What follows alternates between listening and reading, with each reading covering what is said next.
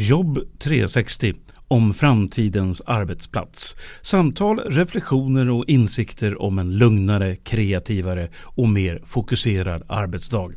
Inbjudna gäster tillsammans med Pia Andreasson och Åsa Dahlqvist från Direxio.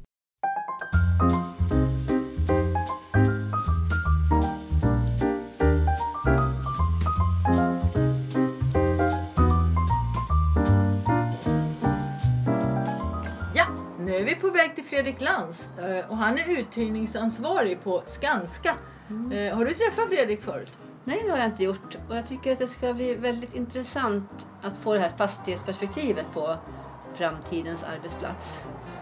Vi ska ju gå nu till deras nya kontor på Varvinges väg här i Stockholm. Eh, Och där har de, när man kommer in, har de, det är förstås en sån här disk där man blir mött och så, där man får registrera sig innan man blir insläppt.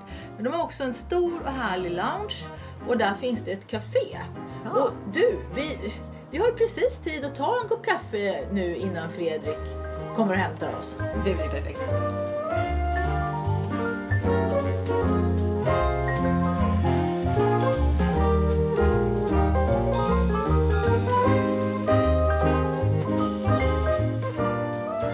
Fredrik, i morse läste jag på LinkedIn om ert nya det här bygget i Solna. Ja. Och det stod att nu ska vi hyra ut till en restaurang och då tänkte jag nu har de byggt en restaurang här i sitt kontor och hur, hur tänker de där? Men jag vet att du och jag pratade om det här att ni hade de här tankarna sedan ett par år tillbaka, just det här delade utrymmet och så vidare. Kan du berätta mer om projektet i Solna? Ja, projektet Solna, Solna United, det bygger på en tanke om det vi kallar för business och gemenskap. Vi tror att väldigt många företag är väldigt fokuserade på sin business. Men det är också ett väldigt stort behov i samhället i stort och även bland olika företag och bland anställda att kunna umgås, kunna ta en kopp kaffe, äta en god bit mat. Alltså arbetsplatsen är inte bara prestation och prestation kan också gynnas av att man då och då slappnar av lite grann och träffar andra människor utanför sitt eget företag. Det tog vi fasta på i det koncept som vi har gjort för Solna United. Så det finns ett generöst entrérum, ligger ett café där, ligger en restaurang i direkt anslutning och kommer att finnas många olika företag i huset. Och, och eh, då ska jag fråga, som inte riktigt har läst Mm. den här artikeln lika noga. Vad, vad är, det är, är det själva hela kontoret som är nytt eller är det just det är ett bara helt nybyggt kontor, Ja. kommer det vara.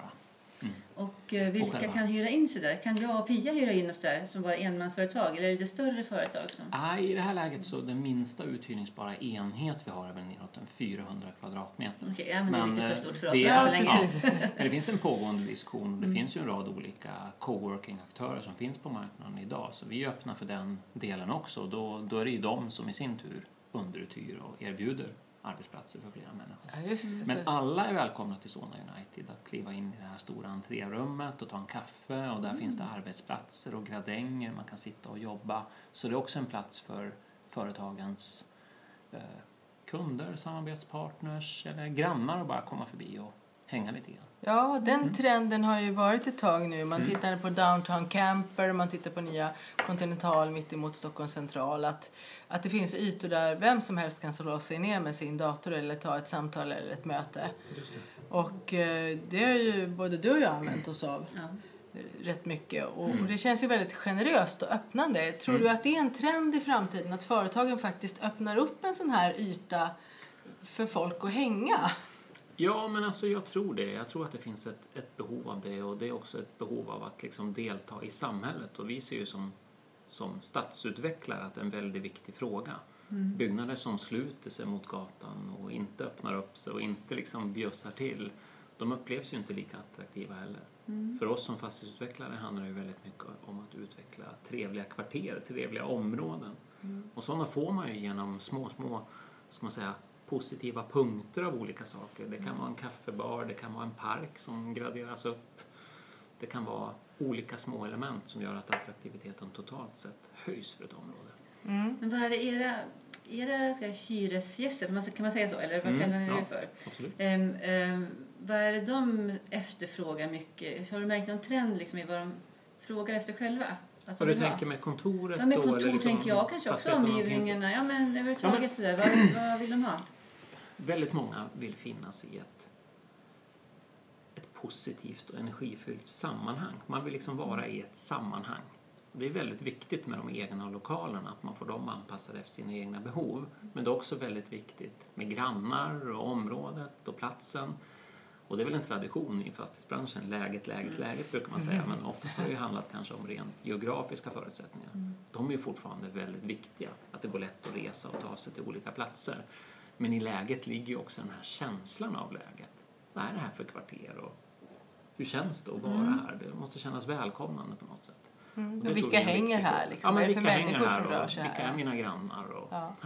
Så den här känslan av att det finns en, en, en puls och en öppenhet och en möjlighet att, att liksom, Ja.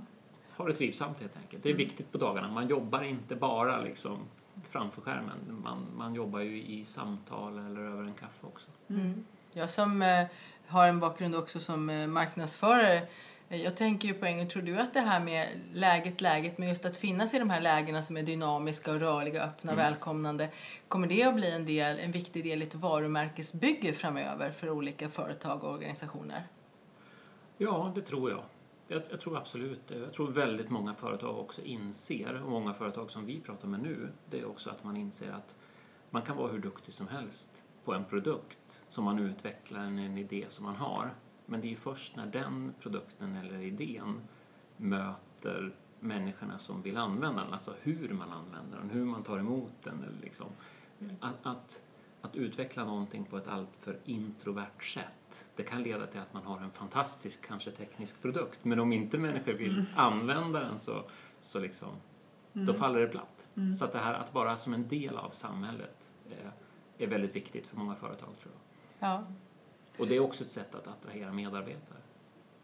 Och då tänker jag på värderingar, att man känner att det företag jag jobbar på är verkligen hänger med i vad det är som händer. Att känna sig inkluderad, att vara i ett, ett tydligt sammanhang som person, både som yrkesmänniska och kanske även som person. Både och. Eh, Och eh, vad man signalerar. Jag tänker återigen på Downtown Camper det med deras kajaker och cyklar i närheten och så vidare. Eh, Och hur, hur de liksom visar upp sig med, med ett aktivt sinne på något sätt. Mm.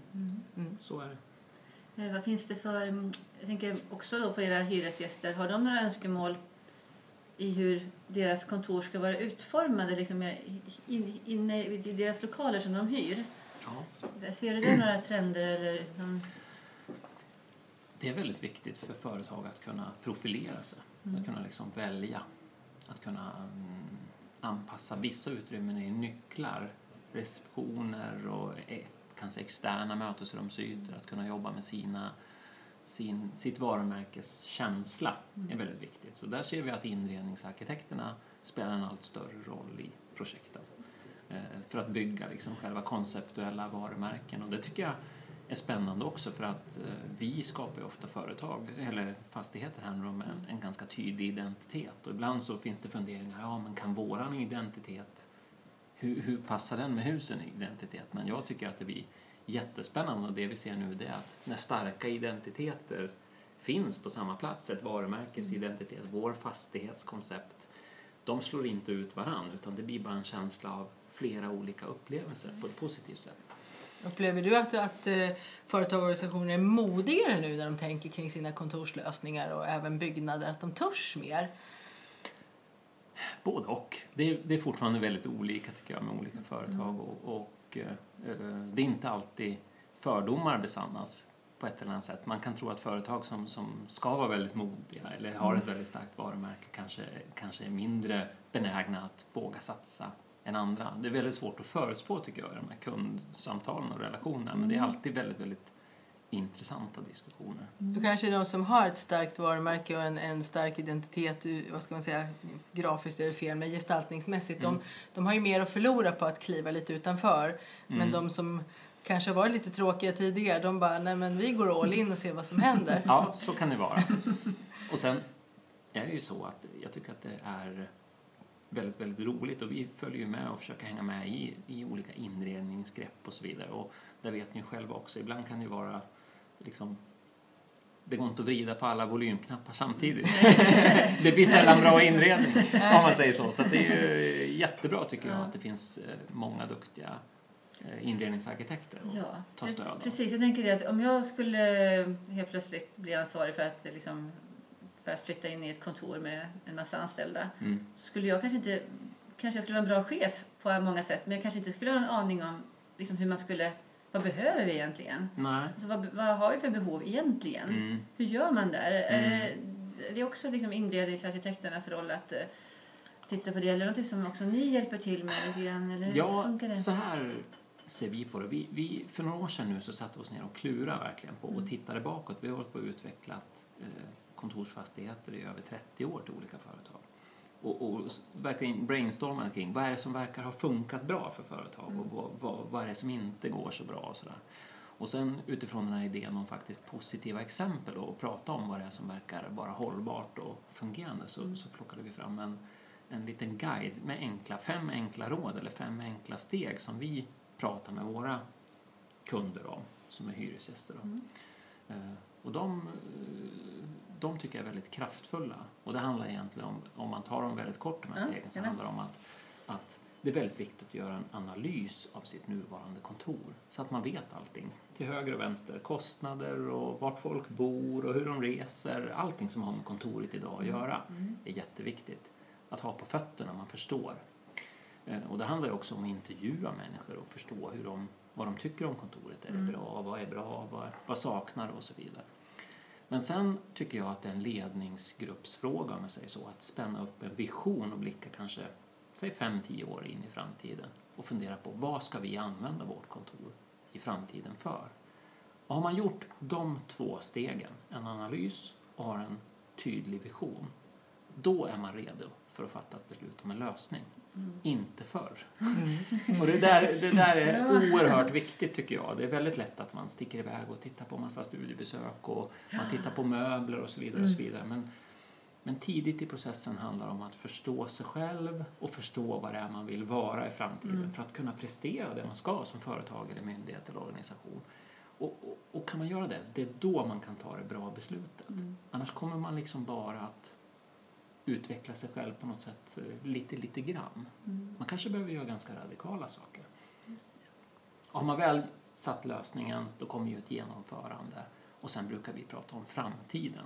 Att man inte får glömma bort framtiden brukar vi prata om. Det vill säga att, att det är så väldigt lätt när man är inne i sådana här projekt att man på något sätt lyckas tro att nu sätter vi lösningen.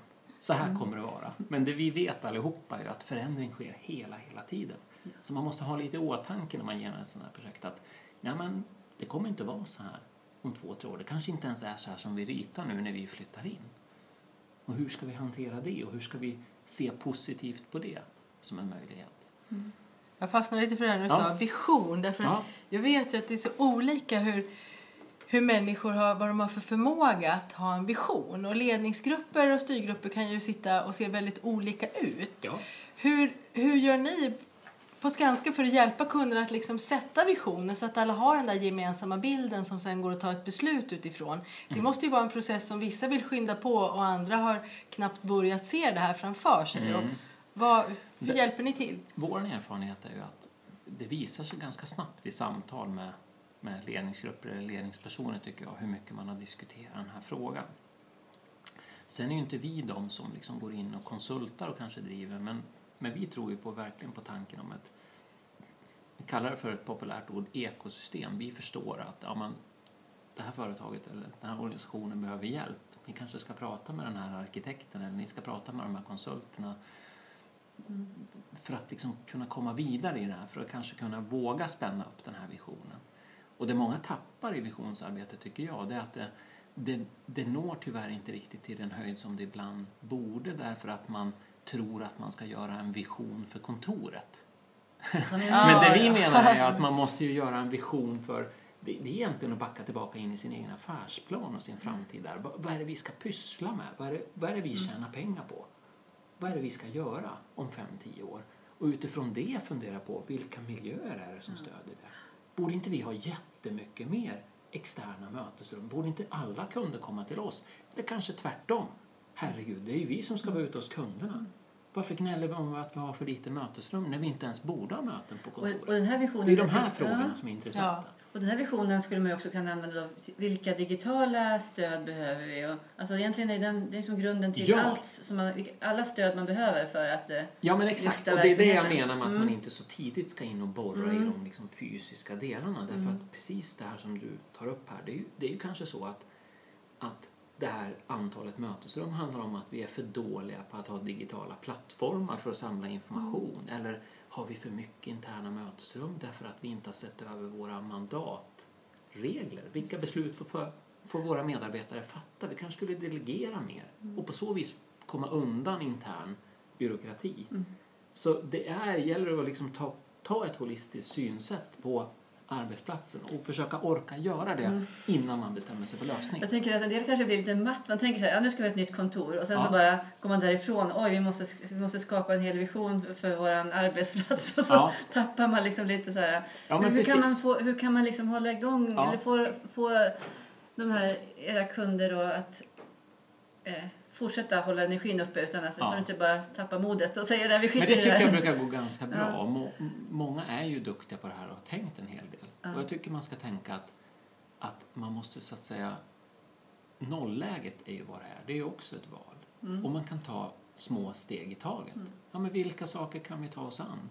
Är man inte, känner man sig inte mogen för att kanske gå till ett aktivitetsbaserat arbetssätt, då kan man ju fundera över hur skulle vi kunna jobba hur skulle vi kunna jobba på ett annat sätt ihop? Kan vi, som du säger, kan vi digitalisera vissa processer? Hur, hur blir vi bättre? Hur presterar vi bättre? Då kanske man i en kommande omgång inte börjar jobba aktivitetsbaserat. Man kanske jobbar fortsatt i den lösning man har, men jobbar med de digitala processerna eller HR-processerna och sen i ett andra steg anpassa lokalen eller möbleringen för ett annat arbetssätt. Och kan, ni Så man då måste som, inte göra allting på en gång. Nej, understryka. men när ni bygger kontor då och hittar ett sånt företag som kanske säger nej vi vill ha vi vill inte göra det här nu men vi skulle kanske göra det i framtiden. Kan ni då som bygger och hjälper de här kontoren hjälpa dem att skapa sådana flexibla lösningar att det, att det går att Ja, rigga om? absolut. Och är det, är det i så fall också någonting som kan bli en, en trend framåt? Att man vill ha ett kontor som är väldigt utvecklingsbart och flexibelt? För det tycker Ja. jag att jag hör när människor har Mm. flyttat in i sina nu aktivitetsbaserade kontor som jag har jobbat mycket med. Ja. Så efter det, den första tanken nästan som dyker upp i huvudet på människorna är att Fast det här funkar inte så vi vill ändra. Ja. Och då har ju ofta styrgruppen fullt sjå och säger nej men vi, vi jobbar i några månader i alla fall innan vi börjar flytta på alla möbler. Men Just det det. verkar som att människor ganska snabbt landar i tanken att det här är föränderligt. Mm. Och att det går att påverka. Ja. Ser du samma sak eller hur? Ja, absolut. Jag menar, det, det är vårt absoluta mål och det är det som driver oss av dem. En av de käpphästar vi har i det vi gör, att utveckla den tekniska produkten, för vi bygger ju faktiskt de här husen, det är ju att se till att det är flexibelt. Och det är ju ett väldigt uttjatat begrepp kan man säga, flexibilitet. Men det handlar ju om att förstå att det här kommer att ändras hela tiden. Det är ju som den femte punkten i det jag säger om framtiden. All, allt är föränderligt. Så därför bygger vi väldigt flexibla system. Vi förbereder för alla möjliga typer av rumslägen och olika lägen för konferensrum. Därför att vi vet att kunden, hur övertygad man än är i det där ögonblicket när vi skriver ett hyresavtal om att så här ska det se ut, så kommer det att förändras hela tiden. Så ni, när de skriver på hyres- hyresavtalet och de har bestämt sig så tänker ni bara mm, precis och sen så avvaktar ni på första ändringen bara så? Nej, men så är det ju. Vi vet att det kommer att ändras Ja. under tiden och vi är också väldigt tydliga med det och sätter upp en process och en tydlig metodik för hur vi kan jobba med dem kring de här förändringarna. Vi visar för dem hur föränderligt det är och vi hittar sätt att, att kunna gemensamt ta beslut om att landa in i det man flyttar in i är inte alltid det som man trodde ett och ett halvt år tidigare. då. Men nu hör jag på en gång att vi måste ju prata mer med Fredrik sen här, för hur, hur hjälper man kunderna i den här föränderligheten att förstå Ja. den? Du sa att ni hade Ja. till och med en process för det. Ja, precis. Vi, får, vi tar en Åsa var också två. lite intresserad. Det får Ja. bli en del två här. Ja. För jag tänkte också fråga er, ni, ni jobbar ju själv här i ert Mm. kontor på Varvingens väg. Eh, som du ska få berätta lite hur stort det är och hur många som jobbar här. För det är stort och det jobbar Ja. många här. Och eh, ni jobbar sedan drygt två år så, i aktivitetsbaserat. Ja, vi flyttade nog hit 2014 är det nu, så Oj, oj, oj. alltså. Oj, oj, oj, tre år. år, ja, precis, Ja. eller fyra. Eh, så berätta lite om era erfarenheter så här långt. Stort företag, stort kontor. Hur många är ni och hur stort är det och så vidare? Mm. Så vi sitter här på? Varfinges väg, ungefär 1200 personer. Då. Det är Skanskas globala huvudkontor. Det är ett helt aktivitetsbaserat kontor. Och eh, vi har över 25 000 kvadratmeter här. Så nyckeltalen är kanske inte jätteimponerade.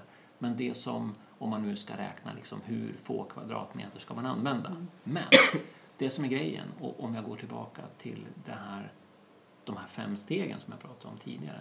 Vad vi gjorde och varför vi jobbar aktivitetsbaserat är väldigt viktigt att förstå. Vi gjorde en analys av vårt kontor i Solna där vi satt tidigare. Och vi lärde oss allting utan och innan om vårt kontor.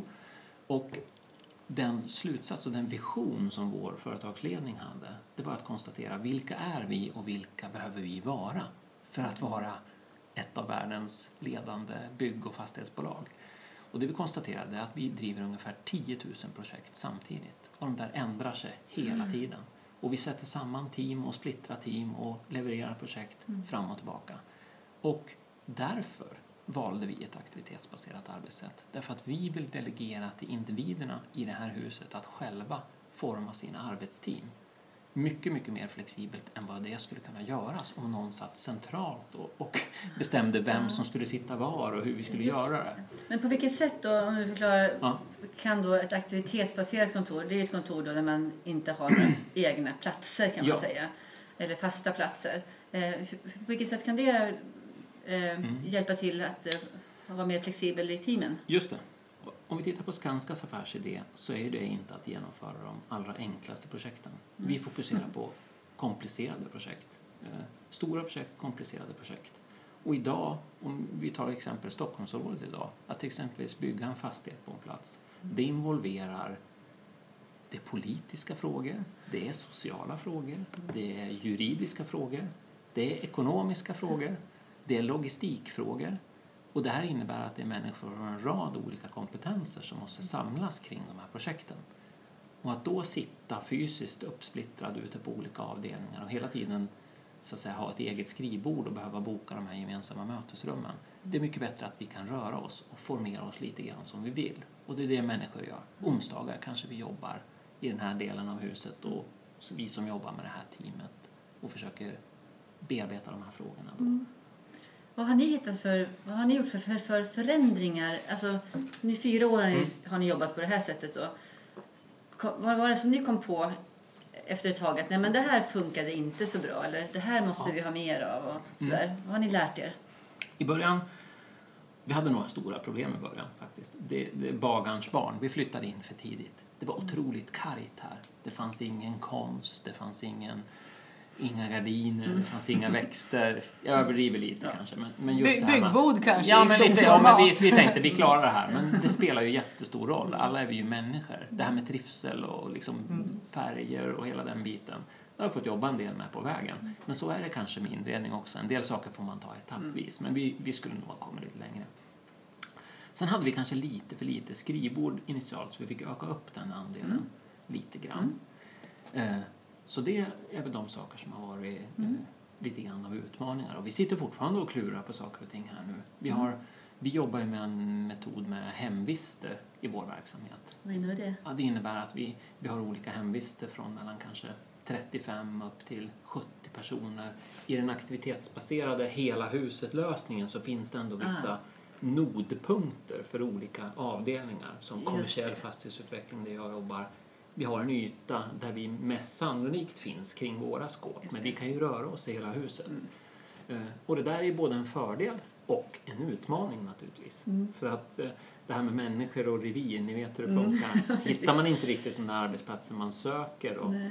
Närheten av den här hemmazonen. En del människor är väldigt bekväma med att röra sig till en annan plats. En del tycker att det är jobbigt att inte finnas absolut i närheten. Det är lite, vi är nomader eller grottmänniskor liksom. Det, Ja. det är lite olika från Och då som är lång tid väldigt roligt är ju att människor också är olika, tycker jag är en slutsats från det vi ser. Att, att vi kanske trodde att många människor tror ju att den yta som jag är min favorityta, den kommer alla andra också tycka om. Men så Ja. är det ju inte, utan Ja. man fördelas ut på lite olika ställen. Så det blir Ja. Ja, vad bra. Mm. Ja, Och det här med tysta ytor då? Ja. En del företag har ju märkt efter ett tag att man kan, faktiskt kan minska ner de tysta ytorna. För Ja. Man har liksom tagit i för mycket från början. För man vill inte vara, man vill vara säker på att Ja. det ska finnas. Är det någonting som ni har justerat också allt eftersom? Eller? Ja, vi har haft ett så kallat green room, ett växtbeklätt biblioteksliknande rum med uppåt en 20 arbetsplatser redan från början. Och det har alltid funkat. Det, har faktiskt, det låter ju väldigt lite att det är 20, men det finns även tysta rum på andra ställen i huset. Men vi tycker vi har klarat det ganska bra. Ni, ni dimensionerade det rätt på en gång? Ja, det, det tycker jag. Sen gör vi hela tiden små, små justeringar naturligtvis i det där. Och också viktigt att understryka, tänker jag, så att, så att eh, återkomma till det. Det här är en lösning som vi på Skanska valt utifrån hur vi på Skanska jobbar. Det finns en tendens, tycker jag, att man jobb, pratar om aktivitetsbaserat som en lösning som är en typ av lösning. Den ser ju väldigt olika ut för olika företag. Och det är inte säkert mm. att alla företag passar att jobba i ett aktivitetsbaserat Nej. system. Mm. Det tror jag också. Och sen tänker jag också att aktivitetsbaserade kontor då kan ju se väldigt olika ut. Exakt. Alltså man kan ju verkligen bygga upp dem på olika sätt beroende på vad man, hur man själv vill Och det jobba. ligger ju i själva namnet. Mm. Det är ju aktiviteten i själva det företag man ska titta på. Det är det man ska analysera och plocka fram en bra DNA för det. Jag har en fråga till Pia om jag får Mm. ställa den. Absolut. Jag bara sitter här och lyssnar. Jag funderar lite grann på det här med generationer. En del säger så här att det här är jätteviktigt med att man tänker på sitt kontor, att man har kanske aktivitetsbaserat kontor också för att locka till sig nästa generations arbetstagare och bli en attraktiv arbetsplats. Vad är det för skillnader man ser? Alltså människor är olika såklart som personer. Finns det någon skillnad också liksom i generationer? Att liksom, ser ni det? Att, liksom att ja, de som är födda på 50-talet, de verkar vilja ha det så här. Och de nyanställda som ni ser som kanske är födda, när är de födda? 00-talet snart Ja, ja. nästan. Mm. Eh, De, de eh, tycker det är mycket bättre att jobba på det här sättet. Kan ni se några sådana skillnader? Eller är det bara som en myt att unga skulle vilja jobba på ett annat sätt än äldre? Vad tror jag, du? tycker inte, jag tycker inte man kan se så stora generationsskillnader egentligen. Och där finns det ju lite olika studier om jag tänker på den här, en av de här LIS. Leesman-studierna som visar att ju mer senior man är desto större nytta har man av variationen i det aktivitetsbaserade kontoret. Det. det. är kanske när man är ung och genomför en relativt enkel, i vissa fall kanske mer monoton arbetsuppgift, då är man nog mer benägen att vilja ha en egen arbetsplats. Och om man ska relatera arbetsplatsstrategin till trivsel så tror jag att, att man ska vara försiktig med att göra tolkningar därför att jag tror att det finns väldigt många öppna landskapslösningar eller rumslösningar eller aktivitetsbaserade lösningar som, som är liksom trivsamma. Det, trivsel eh, handlar ju till viss del naturligtvis om att man trivs med det arbetsplatsstrategi som finns på arbetsplatsen på det sättet, hur det är. Men trivsel handlar ju om så mycket mer saker. Kollegorna, ledarskapet och så vidare. Att, att vi tolkar, det finns en tendens att övertolka trivsel i bara själva den fysiska arbetsmiljön. Och jag menar, herregud, människor startar ju fantastiska företag i ett garage. Ja. Det Och det har ju gått ganska bra. Det har gått ganska bra. Precis. Så du skulle Ja. säga att det handlar egentligen mer om arbetsuppgifterna, vilken sort det är och typen av människa. Att det är den kombinationen som, som avgör snarare än, än ålder. Ja, det tror jag. Det tror jag. Och sen tror jag ju att arbetsplatsen är otroligt viktig naturligtvis. Det vi jobbar med och levererar är en väldigt viktig komponent. Eh, Men det är någonting som ska liksom följa det företaget. Vad, vad det är man vill göra. Det är det som är det viktiga. Man hittar rätt tonträff mellan fastigheten och lokalen och arbetssättet och vad man vill prestera och uppnå inom ett företag. Då blir det trivsamt på något sätt. Om du fick, eh, om du fick plocka en sån här trend framåt som du tror på. Det här, så här kommer det verkligen, det här kommer bli starkt om en 3, 4, 5, 7 år. Något sånt. Vad skulle du, vad skulle du betta på då liksom? Vi var inne lite grann på det tidigare. Alltså, jag tror att inredning kommer att få en större och större roll. Större och större betydelse. Just att, att förstå inredningens betydelse för kulörer och, och matchningar och material. Att skapa en trivsam miljö. Jag tror att det är oerhört viktigt. Det är en sån trend. En annan sån trend som vi ser kommer är ju coworking sammanhang, alltså coworking, att man vill vara... Det finns olika motiv till det. Det är, det är så att säga det lilla företaget som har en möjlighet att finnas i ett större sammanhang och det finns även, tror jag, väldigt starka allmänmänskliga eh, psykologiska effekter. Att man vill vara, man vill ses, man vill, det är den sociala människan på något sätt som, som, som ligger otroligt djupt ner i vår evolutionära liksom, biologi. Att vi vill känna puls och vara tillsammans med andra. Det är en spännande sak. I en trygg miljö som vi känner att här kan vi vara. Liksom. Här Ja, och här är jag en bra. del av det och jag, jag är liksom välkommen här. Det är väldigt viktigt. Jag menar, Ser du, oftast med coworking space är ju oftast lite mindre företag som jobbar Mm, ihop. Eller, eller har- jag fel där? Ja, men Alltså det lite, finns väl en del alltså- av det, men det är ju väldigt många av de större företagen också som tar en del av sin yta och kanske flexar ut det i en coworking-del. Ja. Mm. Av olika skäl. Dels kan det vara platsskäl, men dels kan det också vara att man kanske medvetet knuffar ut en del som ska driva ett projekt eller börja starta upp någonting annat och som man tror också kanske behöver frotteras med andra typer av verksamheter och få mer intryck än vad man kan få internt. Okej, vi säger tack till dig Ja. Fredrik. Ja. Jätteintressant att höra Skanskas tankar om det här och hur ni hjälper Verkligen. era Men jag måste bara kunder. fråga en sak innan vi slutar. Ja, Bara. ja, visst. In, sen, eh, och det är det här. här på det här kontoret, Ja. har du någon favoritplats som du helst vill jobba? Du sa ju att alla har sina favoritplatser, och liksom så här, att det, men det är inte samma. Har du någon favoritplats? Ja, det har jag faktiskt. Jag är en ganska social person och, gillar att finnas i de flesta öppna miljöer och sådär. Men det som eh, känns väldigt härligt och jag kan verkligen känna att ja, men nu vill jag göra det här, det är just det här green room som jag säger. En väldigt extremt tyst miljö, mobilförbud. Eh, Jag kan sätta mig ner och verkligen bara koncentrera mig och kanske under en timme bara säkerställa att jag blir klar med vissa saker, en kalkyl eller en planskiss eller en återkoppling till en kund.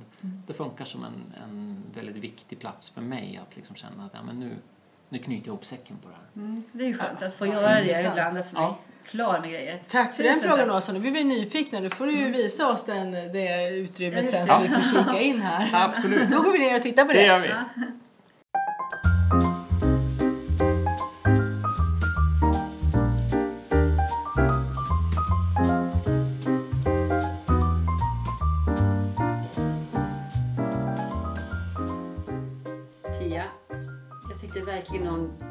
Greenroomet som, man- som de hade där på Skanska.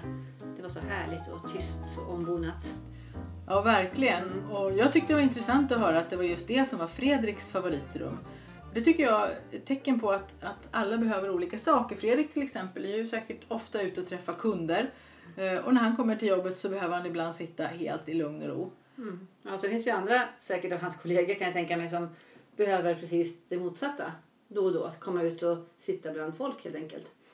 Sen var det det här med hemvist också som jag tyckte var intressant. Att, eh, eftersom de är så många på Skanska, över 2000, så har man som sektion eller grupp ett hörn i huset eller ett ställe där man har mera tillhörighet. Där man har sina skåp och där man har störst chans att träffa sina kollegor. Mm. Jag tänker på när vi pratade med Peggy Rote från Lisman i förra avsnittet så sa hon just det här att tillhörighet var ju så viktigt för att man skulle kunna må bra och prestera bra på jobbet. Mm, just det. Och eh, nästa avsnitt då, då ska vi träffa Paul Linde från Mindfire. Och han ska berätta om hur man implementerar Office 365 på ett sätt så att medarbetarna verkligen kan få nytta av alla funktioner som finns där.